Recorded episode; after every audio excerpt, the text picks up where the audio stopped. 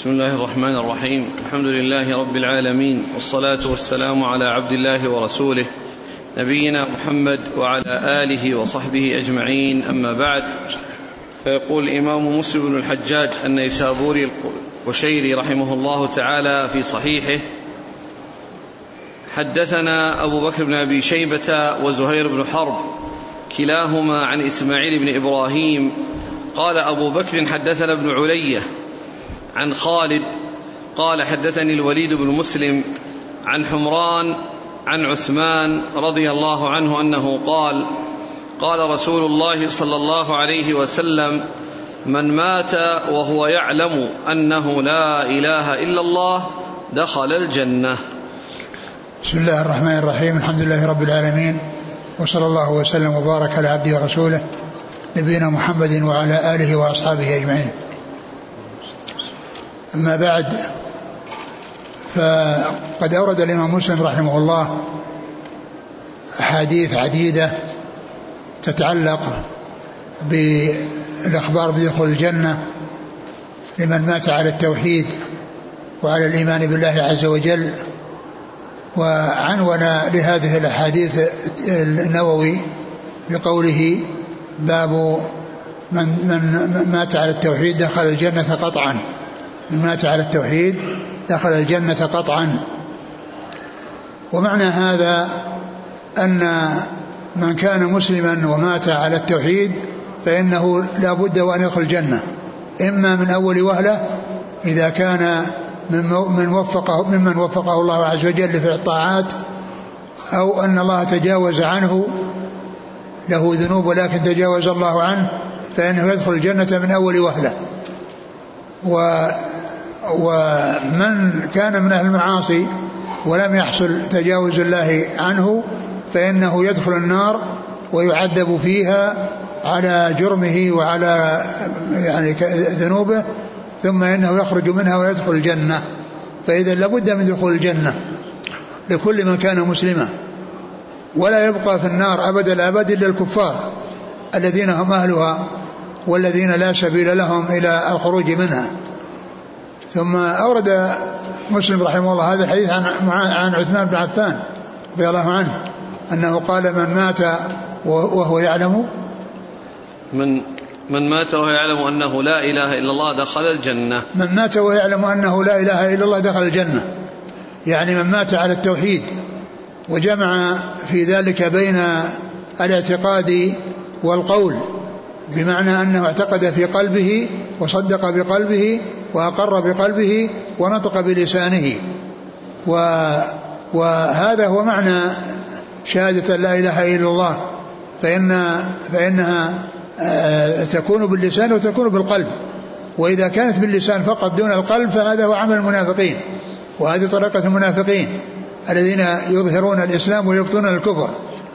وهم في الدرك الأسفل من النار كما قال الله عز وجل لأنهم آه، لأنهم كفار آه، أظهروا الإسلام وأبطنوا الكفر فيكون أشد من الذين أظهروا آه، الذين أظهروا الكفر لأن لأن ضررهم على المسلمين وخديعتهم للمسلمين أعظم من العدو المباين الواضح الجلي. ولهذا قال الله عز وجل أن المنافقين في الدرك الأسفل من النار. ومعلوم أن النار دركات بعضها أنزل من بعض والجنة درجات بعضها أعلى من بعض. فأهل الجنة متفاوتون فيها في الدرجات وأهل النار متفاوتون فيها في الدركات كلما كان أسوأ كلما كان أنزل وفي في, في, في, في الدرك الذي يعني الذي يستحقه. ف فقوله يعلم أن لا إله إلا الله الذي كلمة التوحيد الذي هو إخلاص العبادة لله وحده وأن الإله وحده وأن الله وحده هو المعبود وأنه لا يشرك مع الله تعالى في العبادة أحد وأن العبادة يجب أن تكون لله خالصة. من مات على ذلك فإنه يعني يدخل الجنة. وهذا العلم آه ليس المقصود به مجرد يعني شيء في القلب بل هو علم في القلب وتصديق في القلب وإقرار باللسان. وإذا كان يعني إقرار في القلب فقط دون اللسان فهذا يعني عمل هذا قول المرجئة الذين يقولون لا يضر مع الإيمان ذنب كما لا ينفع مع الكفر طاعة. وإذا كان إقرار باللسان دون القلب فهذا عمل المنافقين الذين يعني يقولون الذين يظهرون الإيمان الإسلام ويبطنون الكفر. والحق أنه لا بد من توافق القلب واللسان وتواطؤ القلب واللسان وذلك بأن يصدق الإنسان بقلبه ويعتقد بقلبه ويوقن بقلبه ويشهد أن لا إله إلا الله وأن محمد رسول الله. والناس لهم الظاهر فإذا حصلت الشهادة آه، لله بالألوهية ولمحمد صلى الله عليه وسلم برسالة فإن الكافر يكون مسلما بذلك.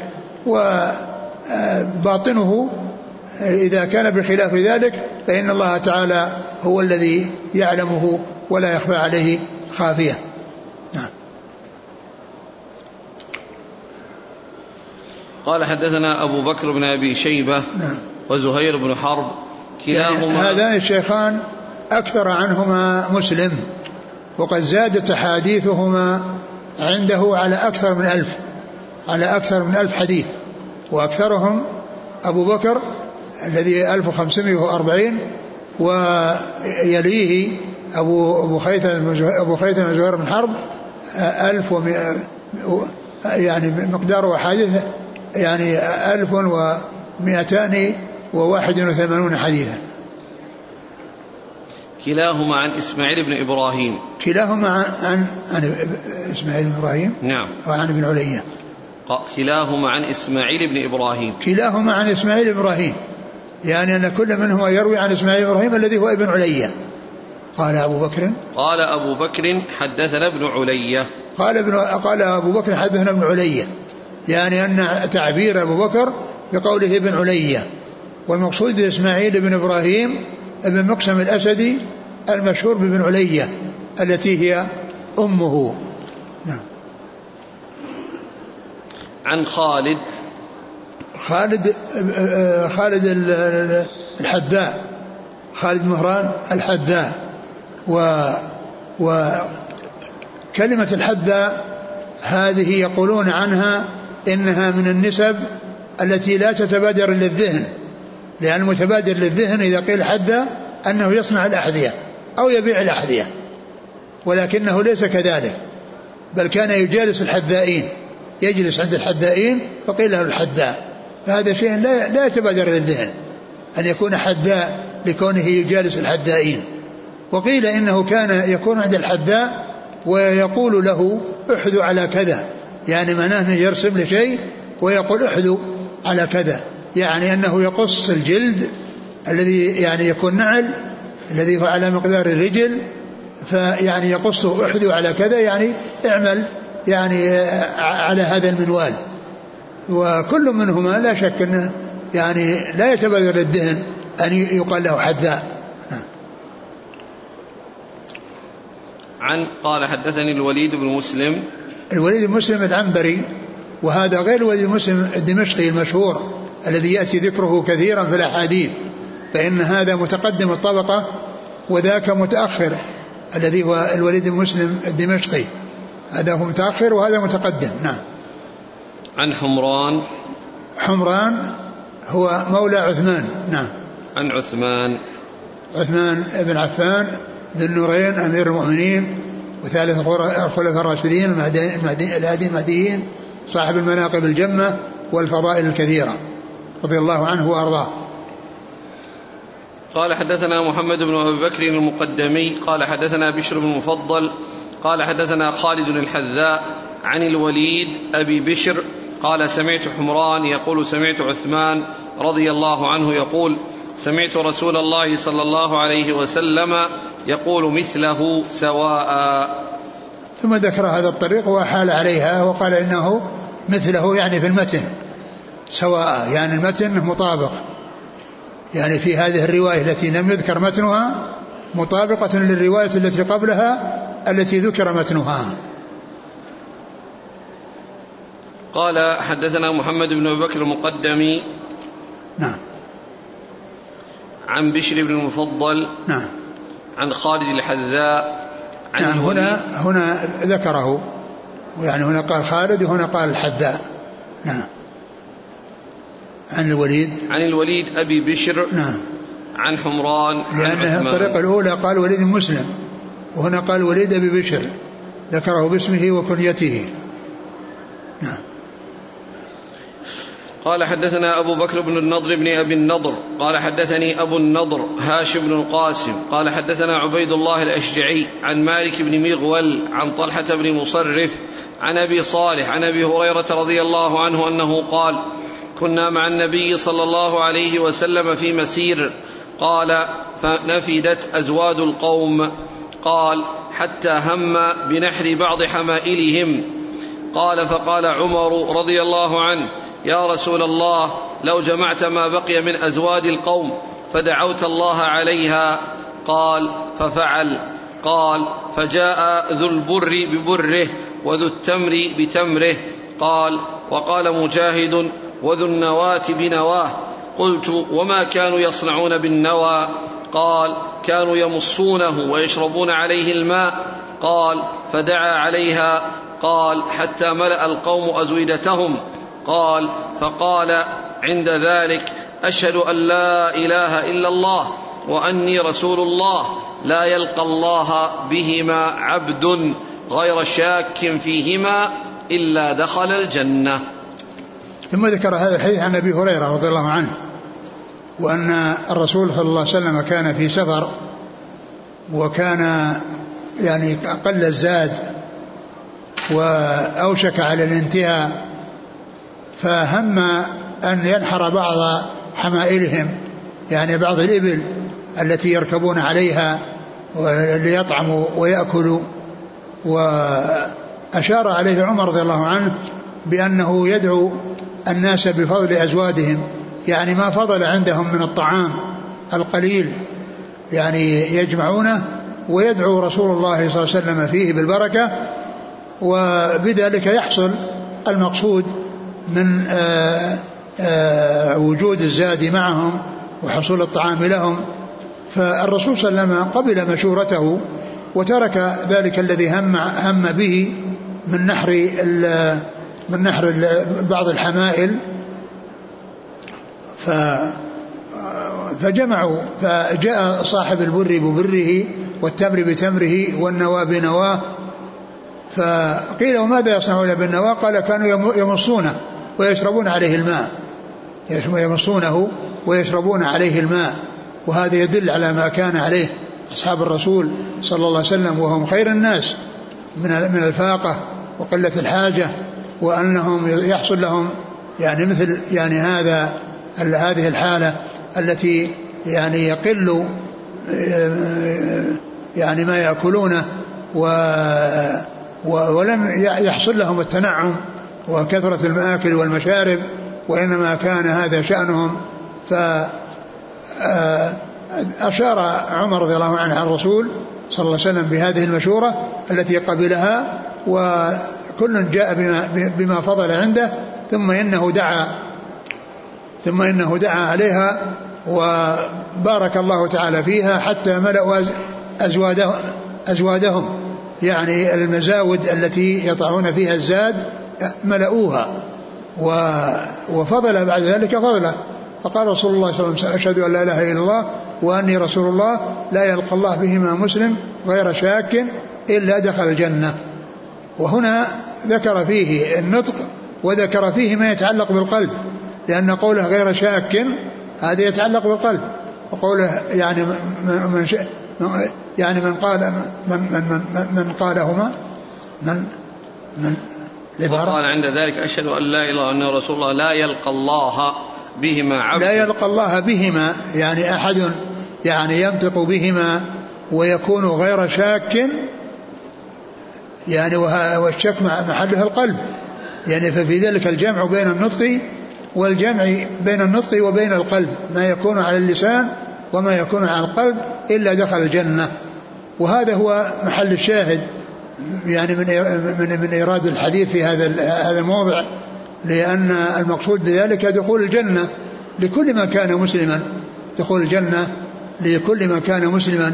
وقد عرفنا أنه قد يكون الدخول من أول وهلة وقد يكون آه، آه، الدخول بعد أن يكون في النار مدة يعد فيها على الكبائر التي ارتكبها ولكنه في مآل الأمر لا بد أن يخرج من النار ويدخل الجنة.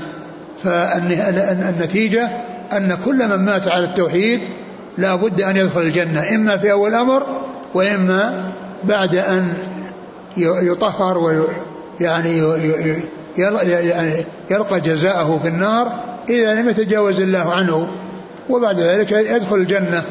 فينتهي الأمر إلى أن الجنة فيها أهلها سواء الذي دخلوا فيها في أول الأمر أو الذين دخلوا بعد ذلك وتبقى الجنة بأهلها وتبقى النار بأهلها الذين هم الكفار. وأما المسلمون الذين عذبوا ونقوا فإنهم أخرجوا منها وأدخلوا الجنة. فإذا هذا الحديث فيه الجمع بين النطق وبين ما يكون في القلب. نعم. قال حدثنا أبو بكر ابن النضر ابن أبي النضر. نعم. عن أبي النضر هاشم بن القاسم. نعم. عن عبيد الله الأشجعي. نعم. عن مالك بن مغول. نعم. عن طلحة بن مصرف. عن أبي صالح. عن أبي هريرة. أبو صالح هو ذكوان السمان. نعم. قال حدثنا سهل بن عثمان وأبو كريب محمد بن العلاء جميعا عن أبي معاوية. قال أبو كريب حدثنا أبو معاوية عن الأعمش عن أبي صالح عن أبي هريرة أو عن أبي سعيد. شك الأعمش. قال لما كان غزوة تبوك أصاب الناس مجاعة. قالوا يا رسول الله لو أذنت لنا فنحرنا نواضحنا. فأكلنا وادهنا. فقال رسول الله صلى الله عليه وسلم افعلوا. قال فجاء عمر رضي الله عنه فقال يا رسول الله إن فعلت قل الظهر ولكن أدعهم بفضل أزوادهم ثم ادعوا الله لهم عليها بالبركة لعل الله أن يجعل في ذلك. فقال رسول الله صلى الله عليه وسلم نعم. قال فدعا بنطع, بنطع فبسطه ثم دعا بفضل أزوادهم قال فجعل الرجل يجيء بكف ذرة قال ويجيء الآخر بكف تمر قال ويجيء الآخر بكسرة حتى اجتمع على النطع من ذلك شيء يسير. قال فدعا رسول الله صلى الله عليه وسلم عليه بالبركة ثم قال خذوا في أوعيتكم. قال فأخذوا في أوعيتهم حتى ما تركوا في العسكر وعاء إلا ملؤوه. قال فأكلوا حتى شبعوا وفضلت فضله. فقال رسول الله صلى الله عليه وسلم أشهد أن لا إله إلا الله وأني رسول الله. لا يلقى الله بهما عبد غير شاك فيحجب عن الجنة. ثم ذكر هذا الحديث وهو بمعنى الحديث السابق وهو يتعلق ب آه، آه، أن الصحابة لما كانوا معه في غزوة تبوك ومعلوم أن تلك الغزوة كان فيها يعني فيها شدة وفيها يعني فاقة وكان والمسافة بعيدة و فهو مثل الذي قبله يعني ولكن هذا فيه أنهم هم الذين عرضوا عليه وطلبوا منه أو يعني استأذنوه بأن ينحروا شيئا من حمائلهم وقد وافق على ذلك رسول الله عليه الصلاة والسلام وقال افعلوا. ولكنه جاء عمر كما كما هنا وفي الرواية السابقة فقال إنك إذا إنهم إذا فعلوا ذلك قل الظهر. يعني معناه يقل المركوب. ويعني وهم بحاجة إلى إلى إلى إلى, إلى تلك الدواب التي يركبونها يعني في غزوتهم وأشار إليه بأن يدعو يدعوهم بأن يأتوا بفضل أزواجهم فوضع نطع ثم كل يأتي بشيء بالذي بقي عنده من الطعام ويضعه على ذلك النطع فتجمع شيئا يسير فدعا فيه رسول الله صلى الله عليه وسلم بالبركة فبارك الله فيه وصاروا يعبئون يعني الأوعية التي معهم حتى لم يتركوا في العسكر وعاء إلا ملؤوه وبقي بعد ذلك فضله. يعني زيادة على يعني الذي تعبئة جميع الأوعية زاد على ذلك فضله زيادة على ذلك. فقال أشهد أن لا إله إلا الله وأني رسول الله لا يلقى الله تعالى بهما, بهما مسلم غير شاك فلم يحجب عن الجنة. يعني لم يحل بينه وبين الجنة وإنما يدخل الجنة ويكون مآله إلى الجنة إما في البداية وإما بعد مضي مدة إذا شاء الله إدخاله النار وتعذيبه فيها ثم يخرج منها ويدخل الجنة فلا يحجب عن الجنة إلا الكفار الذين لا سبيل لهم إليها وليس لهم إلا النار التي يبقون فيها إلى أبد الآباد. وأما كل من كان مسلما مات على التوحيد فإنه لا بد أن يكون من أهل الجنة ولا يحجب عنها. إما أن يدخلها في البداية أو يدخلها بعد ذلك. قال حدثنا سهل بن عثمان وأبو كريب محمد بن العلاء جميعا عن أبي معاوية. قال أبو كريب حدثنا أبو معاوية. وأبو معاوية محمد بن خازم الضرير الكوفي. عن الأعمش عن أبي صالح عن أبي هريرة أو عن أبي سعيد الأعمش سليمان بن مهران عن أبي صالح عن أبي هريرة أو عن أبي سعيد يعني شك الأعمش. ومثل هذا لا يؤثر لأن الصحابة كلهم عدول سواء كان هذا أو هذا. وكذلك لو حصل الشك في الثقات فإن ذلك أيضا لا يؤثر لأن الأمر كيفما دار دار على ثقة. وإنما التأثير لو كان أحدهما ثقة والثاني ضعيفا يعني من من من من, من الرواة من التابعين ومن بعدهم. أما الصحابة فإنهم كلهم عدول. وهنا الشك بين صحابيين و والشك في ذلك لا يؤثر سواء هذا أو هذا. نعم.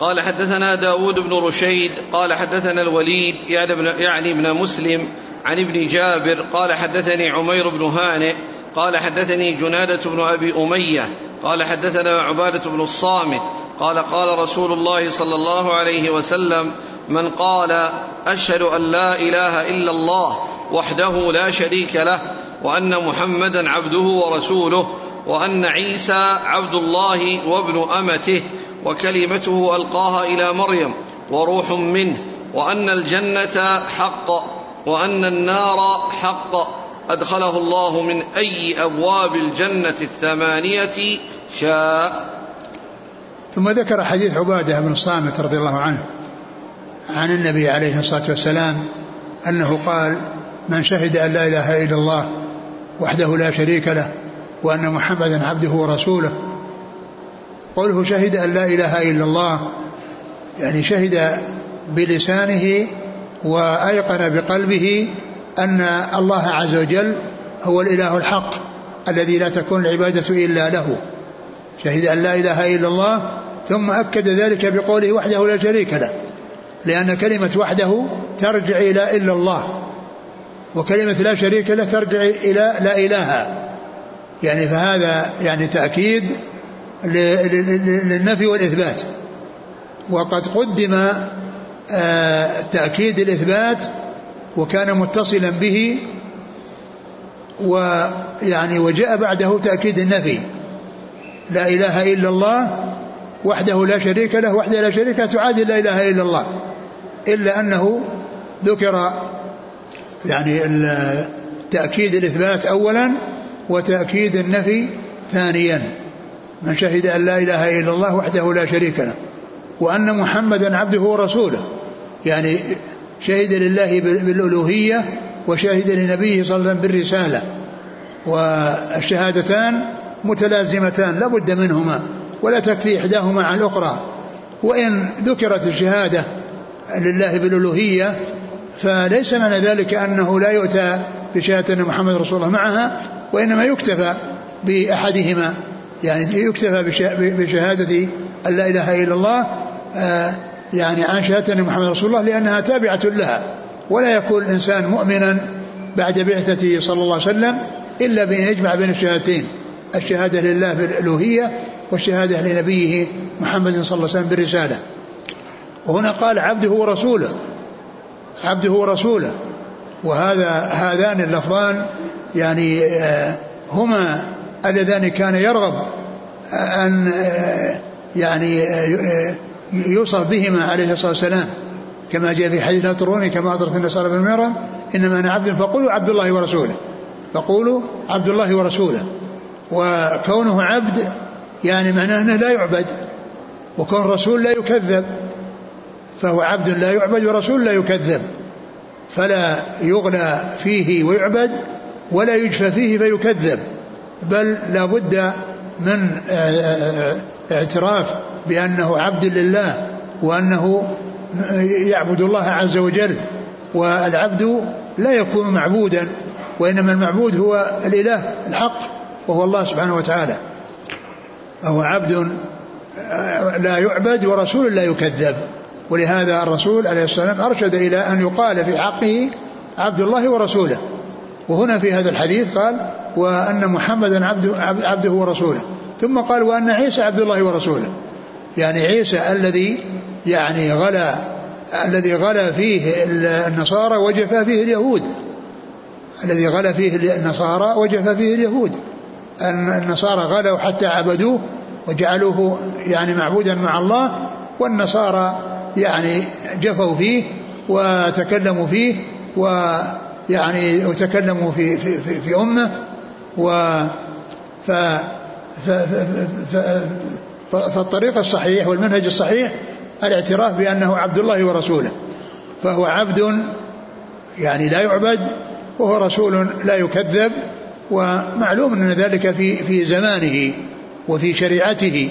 أما بعد بعثة نبينا محمد صلى الله عليه وسلم فهو الذي يعني نسخت شريعته الشرائع وختم به أن ختم به النبيون عليه الصلاة والسلام.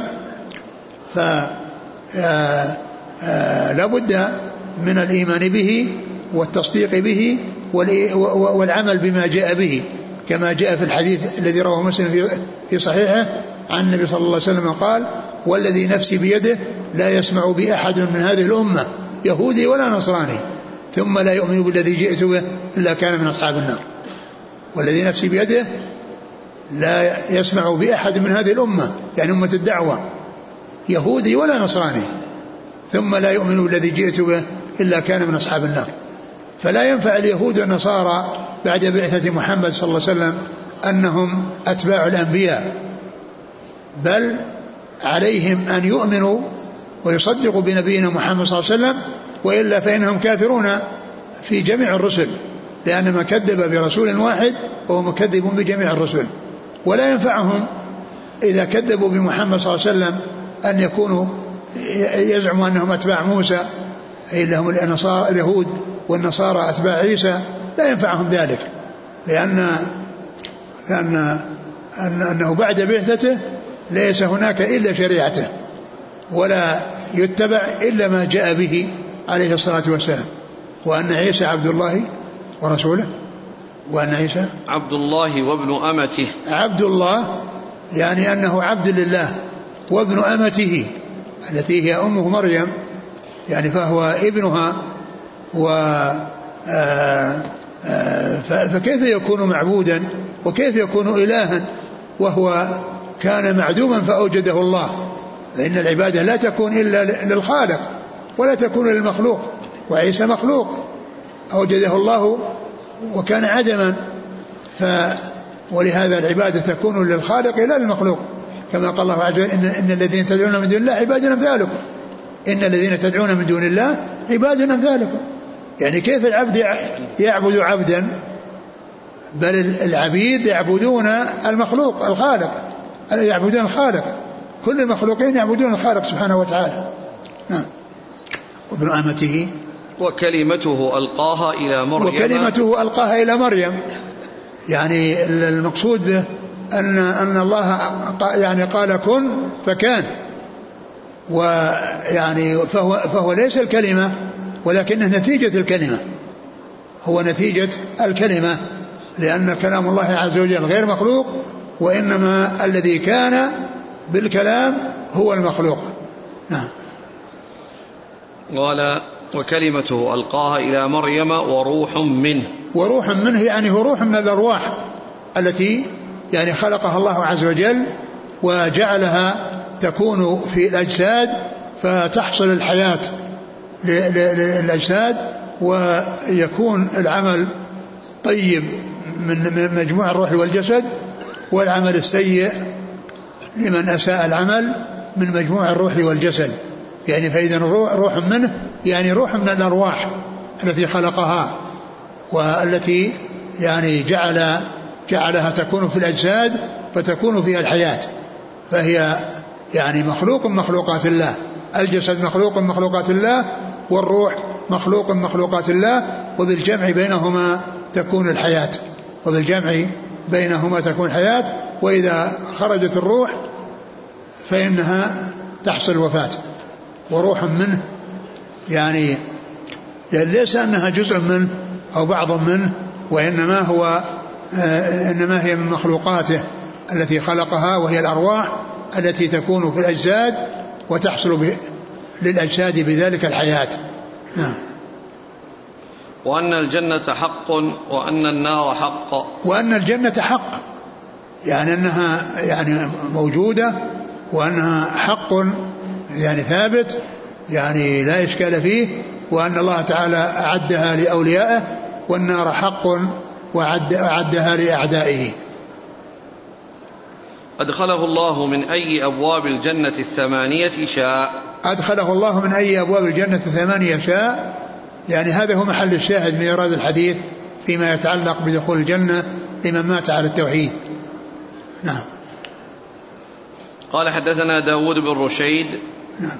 عن الوليد يعني ابن مسلم. هذا هو الدمشقي وهذا كما هو واضح في طبقة متأخرة من طبقة شيوخ شيوخ مسلم وأما ذاك هو متقدم. يعني بينه وبين مسلم عدة أشخاص. يعني ف يعني هذا مما يسمونه المؤتلف المتفق والمفترق أن تتفق أسماء الرواة وأسماء آبائهم وتختلف أشخاصهم. هذا نوع من أنواع علوم الحديث يقال له المتفق والمفترق. تتفق أسماء الرواة وأسماء آبائهم وتختلف أشخاصهم. فهنا الوليد مسلم والوليد مسلم. اتفق الاسم واسم الأب واختلف الأشخاص. فهذا يعني من طبقة متقدمة وهذا من طبقة متأخرة. وهذا الذي هو دمشقي من الشام والعنبري من العراق من البصرة نعم. عن ابن جابر. وهو عبد الرحمن بن يزيد بن جابر. عن عمير بن هانئ. نعم. عن جنادة بن أبي أمية. عن عبادة بن الصامت. نعم. قال وحدثني أحمد بن إبراهيم الدورقي. قال حدثنا مبشر بن إسماعيل عن الأوزاعي عن عمير بن هانئ في هذا الإسناد بمثله غير أنه قال أدخله الله الجنة على ما كان من عمل ولم يذكر من أي أبواب الجنة الثمانية شاء. وهذه رواية أخرى يعني فيها يعني مثل ما في الرواية السابقة إلا أن الرواية المتقدمه أدخله الله من أي أبواب الجنة شاء والثانية أدخله الله على ما كان من عمل. أدخله الله على ما كان من عمل يعني يعني عمله الإنسان إن كان يعني عملا طيبا يعني فهو يدخل الجنة من أول وهلة وإن كان يعني عمل يعني يعني سوءا وهو وهو من من من أهل هذه العقيدة وأهل التوحيد فإنه يدخل الجنة إما من أول وهلة إذا تجاوز الله عنه وإما بعد أن يدخله النار ويعذبه فيها على مقدار العمل الذي يستحق عليه العذاب ولكنه في آخر الأمر يدخل الجنة قال حدثني أحمد بن إبراهيم الدورقي نعم. عن مبشر بن إسماعيل نعم. عن الأوزاعي الأوزاعي عبد الرحمن بن عمرو أبو عمرو الأوزاعي وهو يعني فقيه الشام ومحدثها عن عمير بن هانئ في نعم. هذا الإسناد مثله نعم. قال حدثنا قتيبة بن سعيد قال حدثنا ليث عن ابن عجلان عن محمد بن يحيى بن حبان عن ابن محيريز عن الصنابحي عن عبادة بن الصامت رضي الله عنه أنه قال دخلت عليه وهو في الموت فبكيت فقال مهلا لم تبكي فوالله لئن استشهدت لأشهدن لك ولئن شفعت لأشفعن لك ولئن استطعت لأنفعنك. ثم قال والله ما من حديث سمعته من رسول الله صلى الله عليه وآله وسلم لكم فيه خير إلا حدثتكموه إلا حديثا واحدا وسوف أحدثكموه اليوم وقد أحيط بنفسي. سمعت رسول الله صلى الله عليه وآله وسلم يقول من شهد أن لا إله إلا الله وأن محمدا رسول الله حرم الله عليه النار ثم ذكر هذا الحديث عن عبادة بن صامت رضي الله عنه أنه جاء إليه الصنابحي و ويعني وأنه بكى يعني فقال يعني إيش؟ دخلت عليه وهو في الموت فبكيت فقال بكى, بكى الصنابحي نعم. فقال مهلا لم تبكي؟ فوالله لئن استشهدت لأشهدن لك ولئن شفعت لأشفعن لك ولئن استطعت لأنفعنك.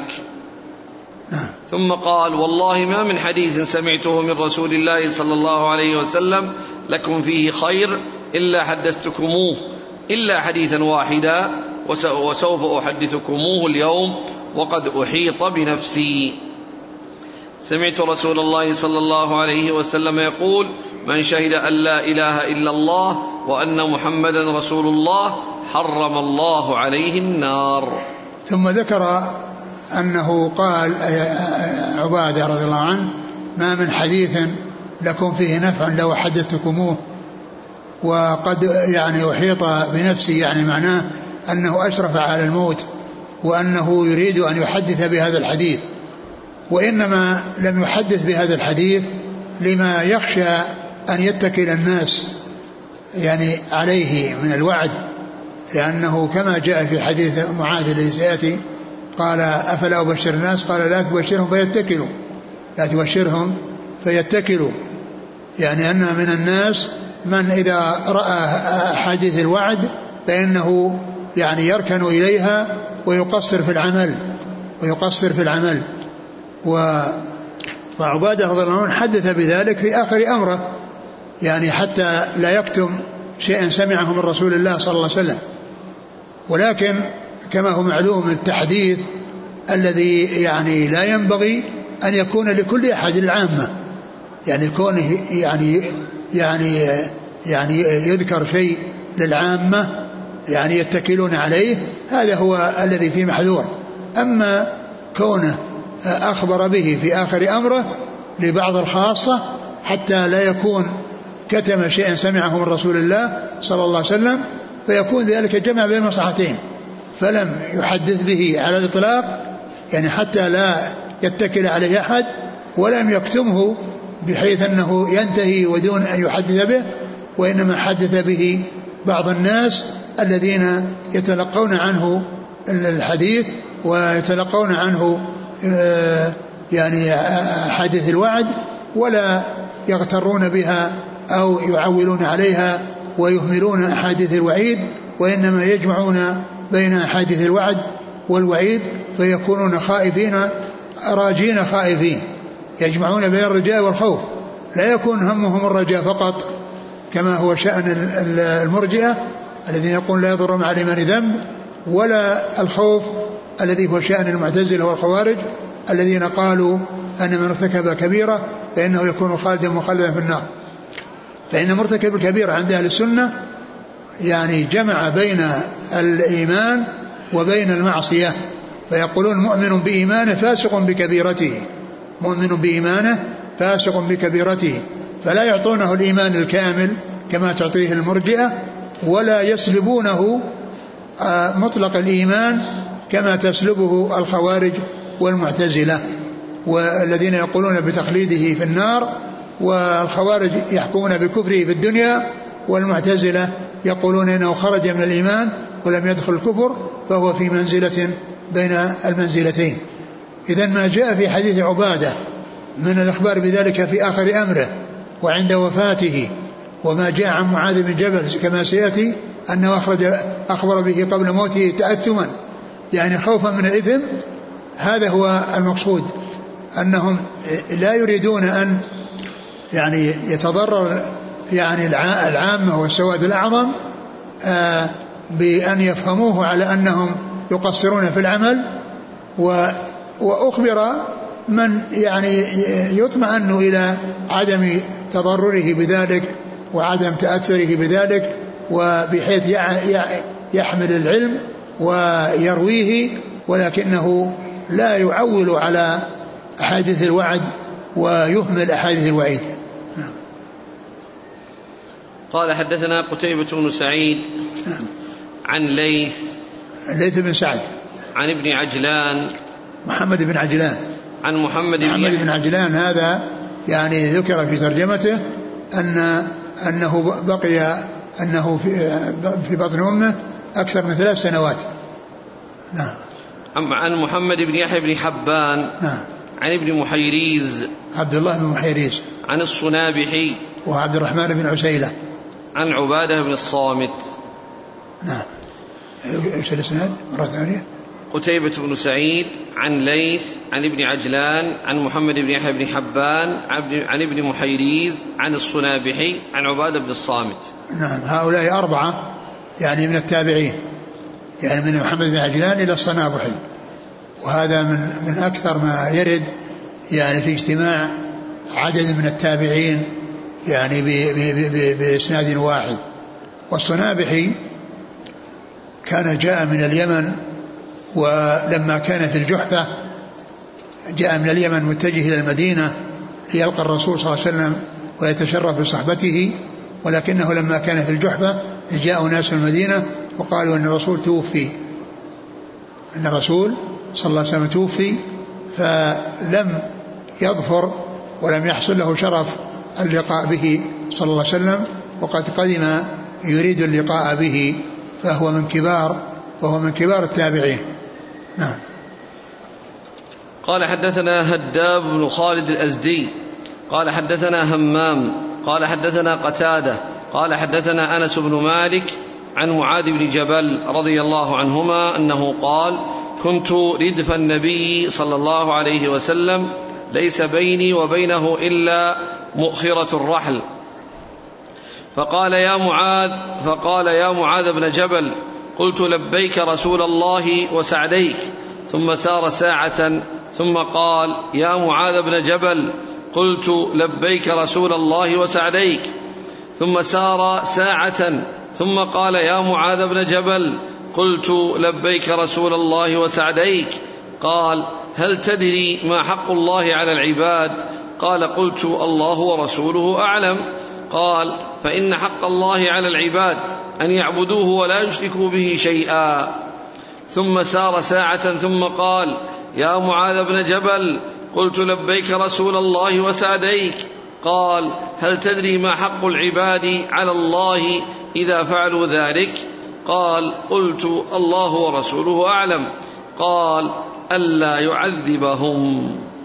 ثم ذكر هذا الحديث عن معاذ بن جبل رضي الله تعالى عنه وكان ركب مع النبي صلى الله عليه وسلم يعني آه، على دابة وهنا قال يعني ليس بينه إيه، وبينه إلا مؤخرة الرحل.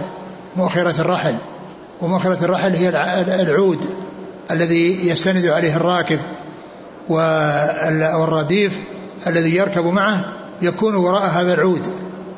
فهذا العود يقال له مؤخرة مؤخرة الرحل والرديف يكون وراءه يعني يتمسك به من الأمام وذاك يستند عليه من الخلف. الراكب اللي هو صاحب الدابة يستند عليه من الخلف وذاك يتمسك به من الأمام.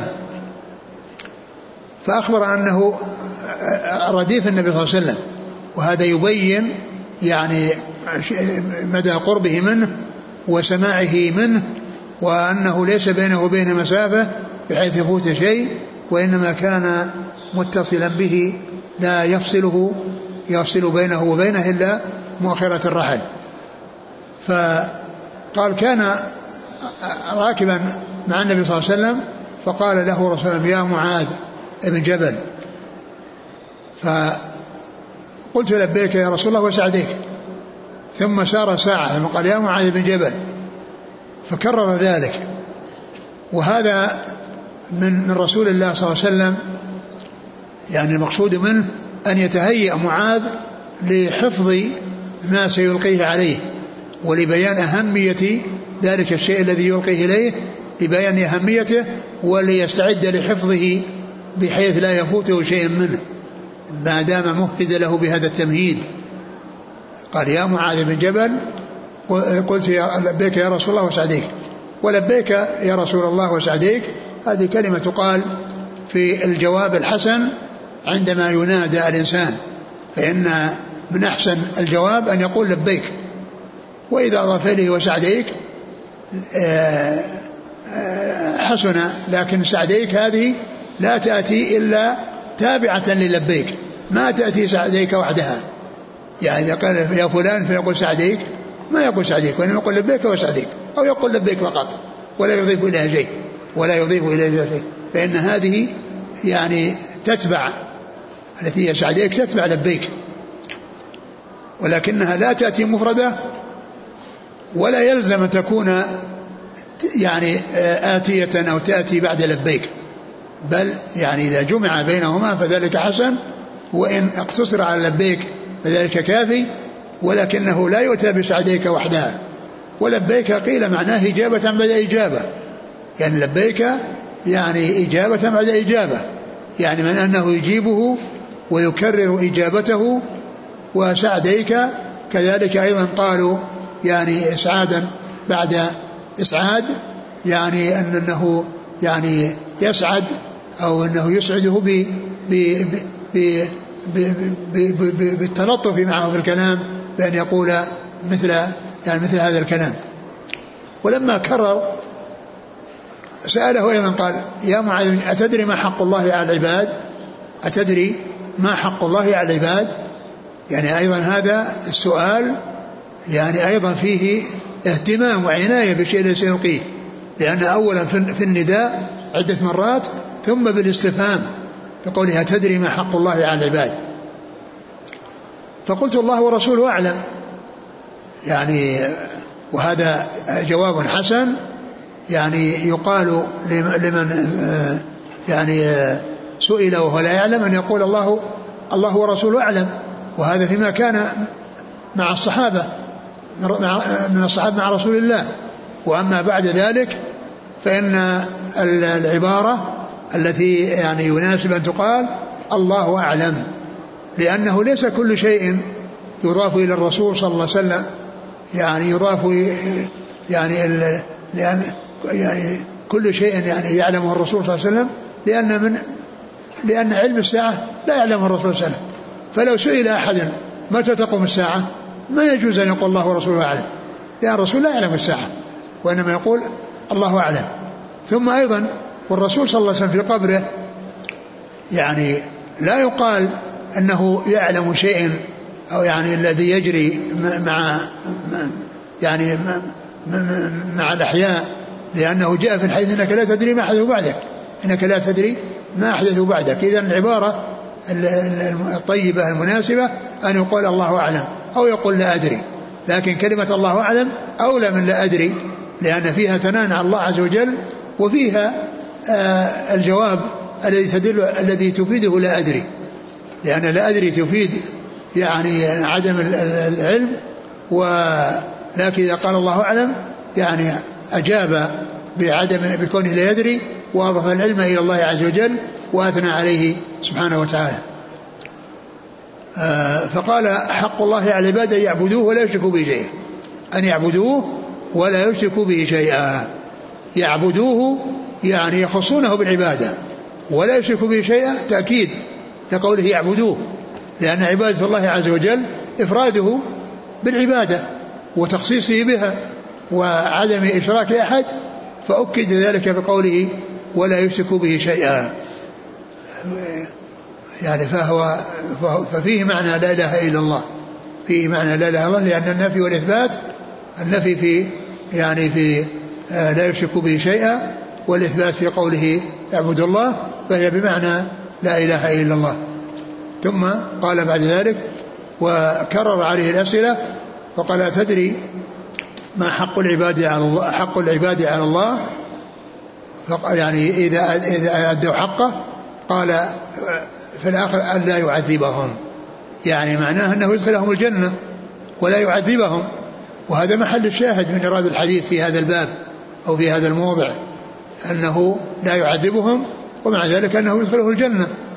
ومعلوم أن آه الذين يدخل الجنة من أول وهلة هم الذين أتوا بالأعمال الصالحة و وأما الذين أتوا بالمعاصي فهم ينقسمون إلى قسمين منهم من يشاء الله التجاوز عنه فيكون من جنس الأول يدخل الجنة من أول وهلة والصنف الثاني من يشاء إدخاله النار فهو يدخله فيها ويعذبه على مقدار جرمه ثم في نهاية الأمر يخرجه من النار ويدخله الجنة. نعم.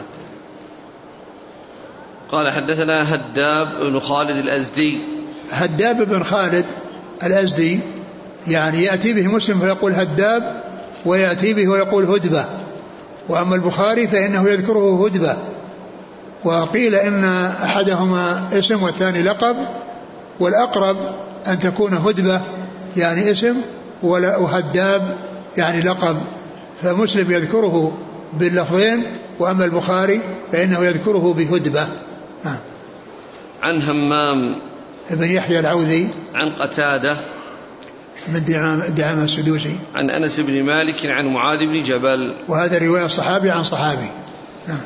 قال حدثنا أبو بكر بن أبي شيبة قال حدثنا أبو الأحوص سلام بن سليم عن أبي إسحاق عن عمرو بن ميمون عن معاذ بن جبل رضي الله عنه أنه قال كنت ردف رسول الله صلى الله عليه وسلم على حمار يقال له عفير. قال فقال يا معاذ تدري ما حق الله على العباد وما حق العباد على الله؟ قال قلت الله ورسوله أعلم. قال فإن حق الله على العباد أن يعبدوا الله ولا يشركوا به شيئا. وحق العباد على الله عز وجل الا يعذب من لا يشرك به شيئا. قال قلت يا رسول الله أفلا أبشر الناس؟ قال لا تبشرهم فيتكلوا. ثم ذكر هذا الحديث عن معاذ من طريق أخرى وفيه أنه كان راكبا على حمار وتسمية الحمار وأنه عفير والحديث الأول يقول بيني وبينه مثل مؤخرة الرحل. ومعلوم أن الرحل إنما يكون على البعير وهو الذي يعني يقال له الرحل. وأما يعني وهنا قال إنه على حمار والحمار ما يكون عليه رحل ومعلوم ان القصة واحدة لأن يعني لا لا يقال إنه مرة كان على حمار ومرة على كان بعير وأنه يقول هذه الاشياء لأنه إذا قال له في أول الأمر خلاص انت عرف هذا عرف هذا الشيء. فقيل إن المقصود أنها مرة واحدة ولكنه كان على حمار ويكون قوله مثل مؤخر مثل مؤخرة الرحل يعني أنه في القرب منه مثل قرب مؤخرة الرحل يعني من من الراكب.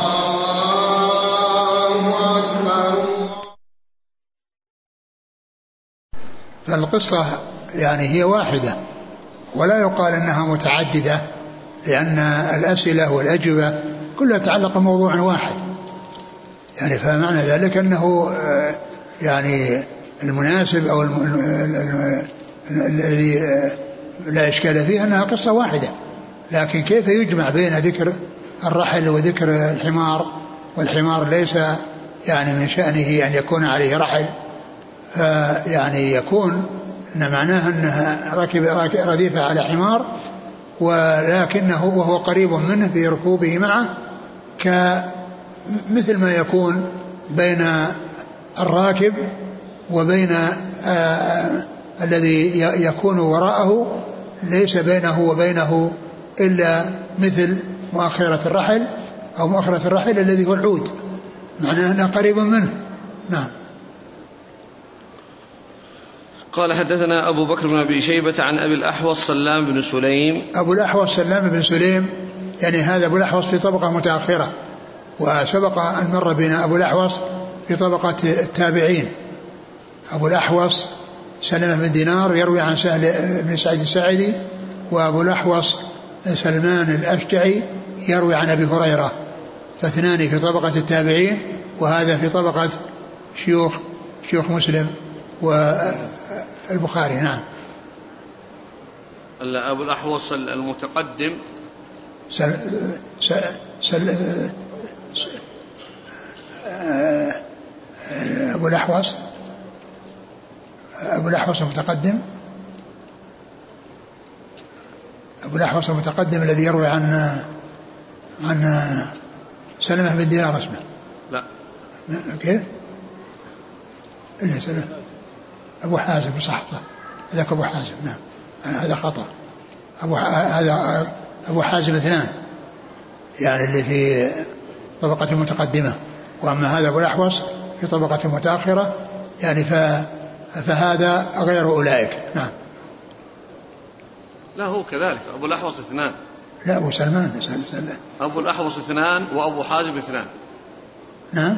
أبو الأحوص اثنان ها. وأبو حازم اثنان. طيب الثاني؟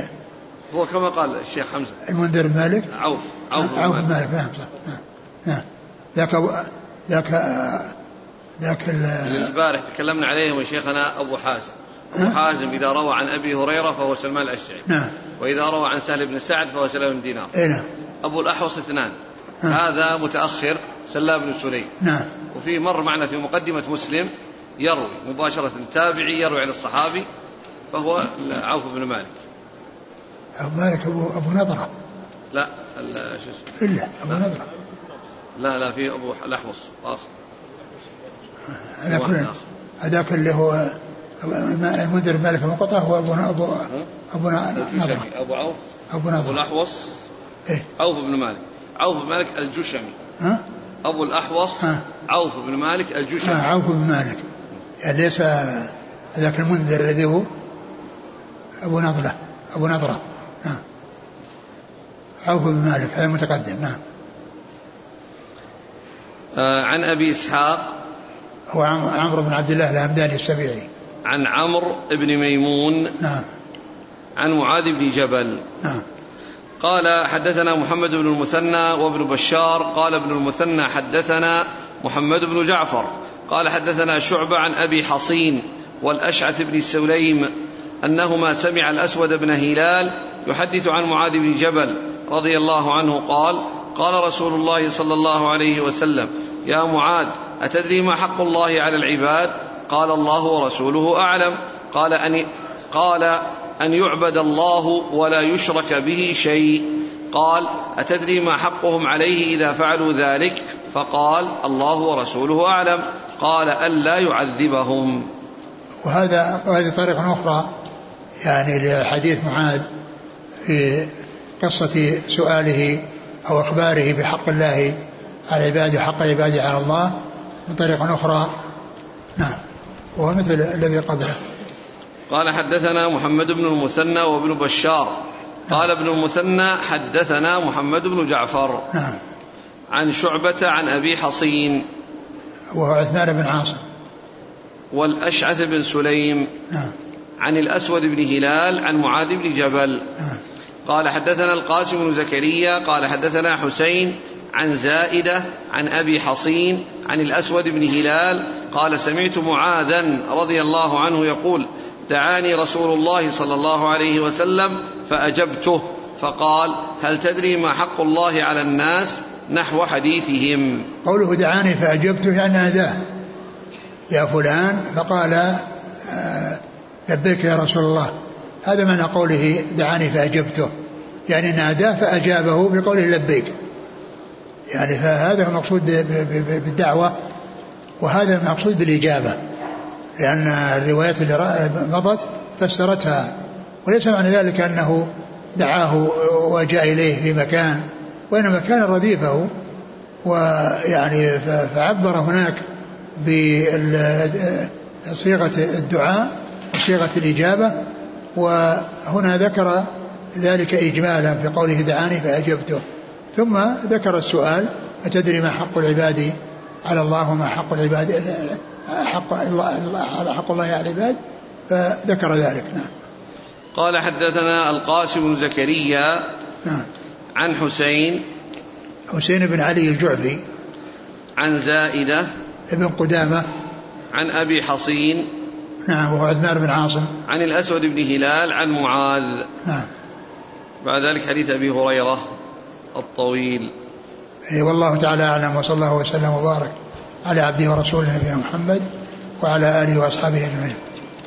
جزاكم الله خيرا وبارك الله فيكم وألهمكم الله الصواب ووفقكم للحق شفاكم الله وعافاكم ونفعنا الله بما سمعنا غفر الله لنا ولكم وللمسلمين أجمعين آمين. يقول كيف الجواب عن قوله صلى الله عليه وسلم من قتل نفسه بحديدة فهو يجأ بها بطنه في نار جهنم خالدا مخلدا فيها أبدا. هذا كما هو معلوم خلود نسبي. يعني معناه أنه على طول بقاءه فيها. وليس معنى ذلك أنه يعني يكون مثل الكفار الذين يبقون فيها أبد الآباد. فإن هذا خلود نسبي وليس مثل خلود الكفار. هل يصح أن يقال للرسول عليه الصلاة والسلام مشرع؟ المشرع هو الله ولكنه مبلغ التشريع. التشريع الشرع من الله. قال الله عز وجل ثم جعلناك على شريعة. من الأمر. يعني الله تعالى هو الذي جعله وهو الذي أتى بالشريعة. والرسول صلى الله عليه وسلم يعني ما يقوله هو من عند الله. حتى والسنة هي وحي من الله يعني لا يأتي بها من, من, من عنده وإنما هي من عند الله سبحانه وتعالى. ف آه، ولهذا جاء في أحاديث يعني يدل على ذلك. مثل حديث أبي أنس أو كتاب أبي بكر إلى أنس الطويل في أسنان الإبل في الزكوات. قال هذه فريضة الصدقة التي أمر الله بها رسوله. هذه فريضة الصدقة التي أمر الله بها رسوله صلى الله عليه وسلم. يعني الإبل فيها كذا والبقر فيها كذا والغنم فيها كذا. هذا يعني آه، آه، وصفه بقوله يعني أبو بكر التي أمر الله بها رسوله. يعني دل هذا على أن السنة وحي من الله. فالمشرع هو الله والرسول صلى الله عليه وسلم مبلغ الشريعة. نعم. يقول فضيلة الشيخ إذا أراد أحد من النصارى أن يسلم هل يكون من شروط النطق بالشهادتين أن ينطق وأن عيسى عبد الله ورسوله وابن أمته وكلمته ألقاه إلى مريم؟ أو يكتفي فقط أشهد أن لا إله إلا الله وأن رسول الله؟ لا يكفي أشهد أن لا إله إلا الله وأن محمد رسول الله. لأن لأن من شهد أن محمد رسول الله يعني فهو يعني آه، من شهد أن محمد رسول الله يعني كفاه ذلك دون أن يضيف إليه شيء آخر. أحسن الله إليكم. ونود التنبيه على الطلاب أن لا يتركوا الكراسي ويمشون عنها فيكون ذلك أذية لإخوانهم. الإخوة يستخدمون كراسي المصاحف لل... في الدرس. نعم. بعض يقوم ويترك فيكون عثرة يتعثر بها من بعدهم عند الإقامة. لا شك أن هذا الإنسان إذا أخذ كرسي ليستفيد منه وقت الدرس لا يتركه وإنما يعيده إلى مكانه الذي أخذه منه إيه، حتى لا يتضرر الناس يعني بذلك وحتى تكون المصاحف الكراسي في أماكنها المخصصة لها بحيث أن من احتاج إليها يأخذها من مكانها ومن استغنى عنها يتركها في مكانها. جزاكم الله خيرا. سبحانك اللهم وبحمدك نشهد أن لا إله إلا أنت